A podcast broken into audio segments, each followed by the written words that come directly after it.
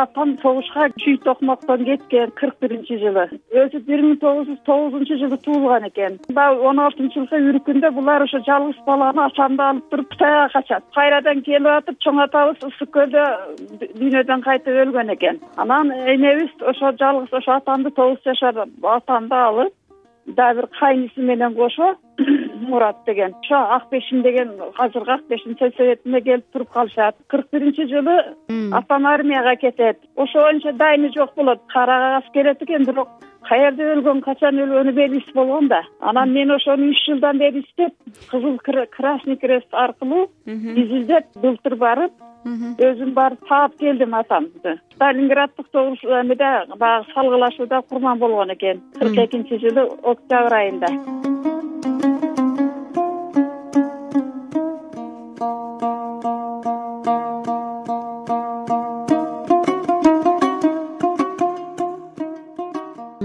москвага учуп москвада волгоградка учуп волгограддан ары барып ошол жанагы мамаев курган деген эстелик курулган экен өчпөс отпа экен аны көрдүк. Анан ошол жерде эки жүз күн согуш болгон экен. Эки жүз күн. Ошого эки жүз ступенька даярлап жана мамаев курганды курган экен. Аны көрдүк. Анан ошол жерде городышинский деген район бар экен. Ошол жердин администрациясы бар экен. Ошол жанагы атам көмүлгөн жерде эстелик тургузган жерге алып барды. Ержовка деген коюлган экен. Ошол жерге эстелик тургузгалы экен.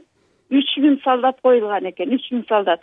Сиз атаңыз ушул жерде экенин кантип далилдедиңиз? Ошол жердеги городышинский районунун администрациясында красный книга бар экен. Ошо красный книгага жазылган экен. Жазылыптыр китепти көрсөттү фамилиясын окудук ким келди ким кетти? Ошол жерге жазат экен. Кызы келдиби баласы келдиби кол коюп бердик. Ошол жерде анан ошол администрациянын жетекчиси бизди алып ошо жана ержовка деген жерге алып барды бизге. Анан москвадан дагы архивден москванын архивинен кагаз келбедиби ошол жерде өлгөнү чын деп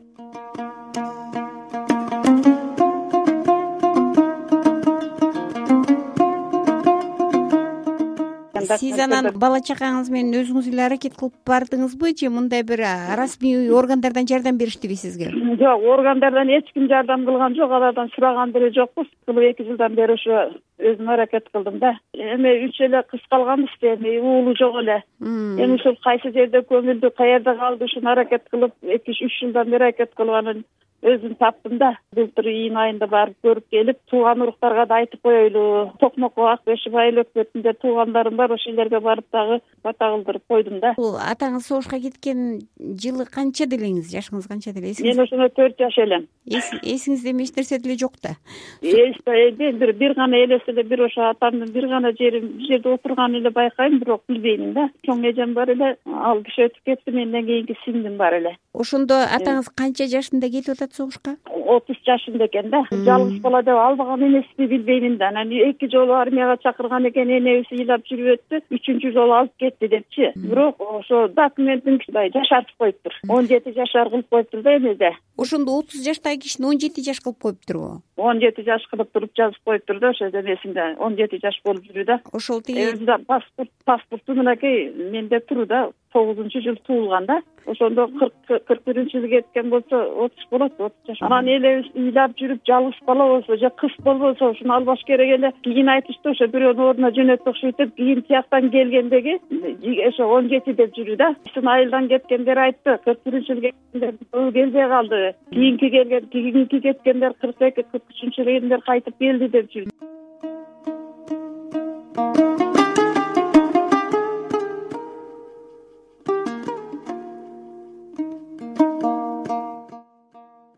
согуш маалында согуш убагында төрт жашта болсоңуз андан кийинки турмуш эсиңизде барбы апам бар ошо баары тең кызылчада болчу элек кызылчага сабак сайын кызылчага барып жардам көрчү элек баягы оокат нан жок жана машак берип машакка барчу элек анан ушул чүйгө чүйдүн тегерегине кантка токмокко согуштан жабыркаган жарадарларды алып келчү экен башка. Ошолор жөнүндө сизде маалымат барбы? Мурда жанагы биздин айылга чечендерди алып келди эле. Азербайжанды алып келген эле. Азербайжан айылы алы биздин айылда бар. Туугандай болуп жашап калдык. Кыргыз болуп калган. Кыргызстан келин алып кыргыздын салтын бир туугандай болуп жашашат. Немис мугалим бар эле. Немис тилинен берчү эле. Узун бойлуу киши эле каяктан келип калганын билбейм да ушу эме немис тилин окутчу эле. Эми жер токмокко келип калган болсо ошол жерден бизге жөнөткөн болуш керек биз эми токмокко жакынбыз да беш километр биз ак бешим айыл өкмөтү эми элүү үчүнчү жылдары ошол мезгилдерде ошо немис тилин окучу эле. Бир апам ошо жыйырма сегиз жашында калган экен ошол боюнча ушу бизди багып энебизди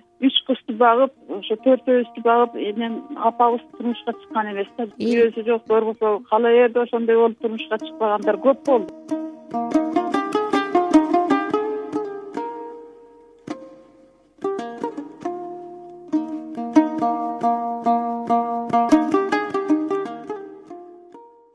токмо шаарында жашаган үчүн кичине үйдө тиричилик тиричилик бар окшойт да ошолорду сатып агылып бугулуп жүрүп силерди өлтүрбөй бактым деп өмүр бою кызылчада иштеп жүрүп өтүп кетти да апам. Токсон жетинчи жылы өтүп кетти да. Мен окуп э, институтту бүттүм. Анан турмуш акыбалы боюнча ушул ак суу районуна келип калып ушул жака турмушка чыгып мектепте мугалим болуп мектептин завучу директору болуп андан кийин он он жети жыл айыл өкмөтүн башкардым айыл өкмөтүн кашка айыл өкмөтүн. Он жыл партиялык комитеттин секретары болуп иштеп пенсияга чыкканмын азыр жашым сексен экиде пенсиядамын. Алты балам бар эле азыр бешөө бар